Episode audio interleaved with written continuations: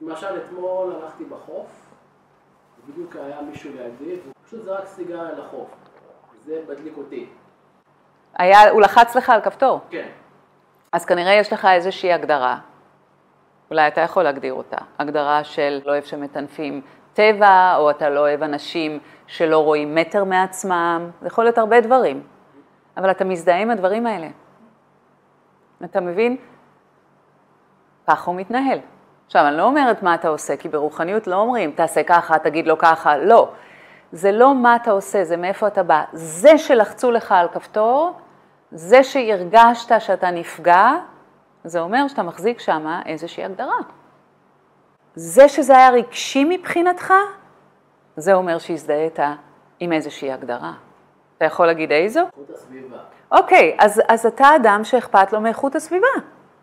וזה מעצבן אותך שאנשים לא שמים על הטבע. סבבה, אבל אתה לא יכול להזדהות עם זה.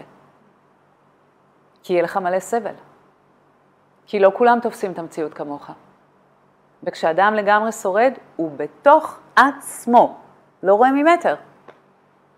אם הוא ידרוך על סיגריה שמישהו זרק, והיא סיגריה בוערת, והוא יקבל קביעה בכף הרגל, אתה תראה איך הוא יתעצבן.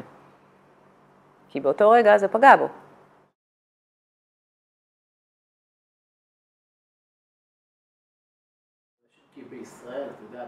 יוצא לי כל, כל יום אני מטיף פה לאנשים. לא טוב. אתה לא יכול לעשות את זה כי אין לך שום זכות לשנות אף אחד. למה, למה זה מעצבן אותך? יפה.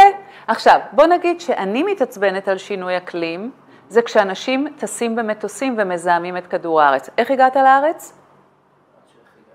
אה, תגיד לי, איך? במטוס. זה עכשיו מעלה לי את הסעיף. ואתה יודע מה עוד יותר מעלה לי את הסעיף? שאנשים שאכפת להם מכדור הארץ, טסים במטוסים. אז עכשיו אתה מבין מי צודק? אתה עם פלסטיק, אני עם מטוסים. אתה מעלה לי את הסעיף, אני מעלה לך עם הפלסטיק את הסעיף. הוא אני פשוט... לא רוצה לעצבן אנשים, זה גם זה שאני חושב שזה גם לטובתם, שהם כן יצמצמו את זה. אבל אני גם חושבת שזה לטובתך שלא תטוס יותר. אני צריך לראות את המשפחה. לך יש את התירוצים שלך, ולהם יש את התירוצים שלהם, מאשר. זאת אומרת שאני לא צריך להטיף, לא להטיף, לנסות בדרכי נועם לשנות את הרגלי התמיכה שלהם. אתה יכול, אבל אתה לא יכול לדרוש מאנשים להשתנות. אתה מבין, כשאתה דורש מאדם להשתנות, אתה דורש ממנו להשתנות לפי תפיסת המציאות שלך, נכון?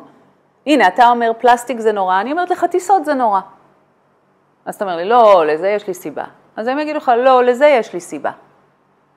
אתה יכול לשנות את עצמך, אבל אם אתה דורש מאנשים להשתנות לפי תפיסת המציאות שלך, אתה מתנשא, כי מה שאתה אומר, איך שאני תופס את המציאות, זה הדרך. אבל תשים לב, אם אתה מתחיל לדרוש מאנשים לתפוס את המציאות כמו שאתה תופס, זה, זה רוב הרוחניקים עושים את זה. ואז אנחנו אומרים, כמו שאנחנו תופסים את המציאות, כולם צריכים לתפוס את המציאות. זה מאוד מתנשא, כי אין אמת מוחלטת. על כל דבר שאתה דורש, מישהו יכול לבוא, אם הוא קצת אינטליגנטי, ולהתווכח איתך ולהוכיח לך שזה לא רלוונטי. וזה השלווה, אתה מסתובב בעולם הזה ואתה רואה המון דברים שלא מקובלים עליך, מי לא? אבל אתה מבין שאין תפיסת מציאות אחת.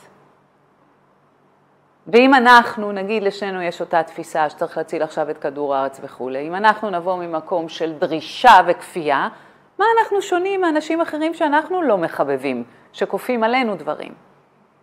זה מקום לא קל ברוחניות להבין את זה, שאתה עדיין מחזיק תפיסת מציאות מאוד מסוימת, והיא שלך, היא לא של כולם. ולכן בואו נשנה את העולם לטוב יותר, זה אמרה נוראית. מי הוא זה שהוא יכול להגיד שאיך שהוא תופס את המציאות, זה צריכה להיות תפיסת המציאות של כל העולם הזה? מי יכול להגיד דבר כזה? היטלר אמר את זה.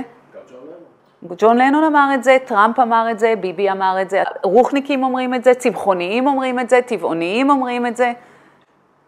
אז של מי תפיסת המציאות שהיא אבסולוטית ולפי העולם צריך להתקיים?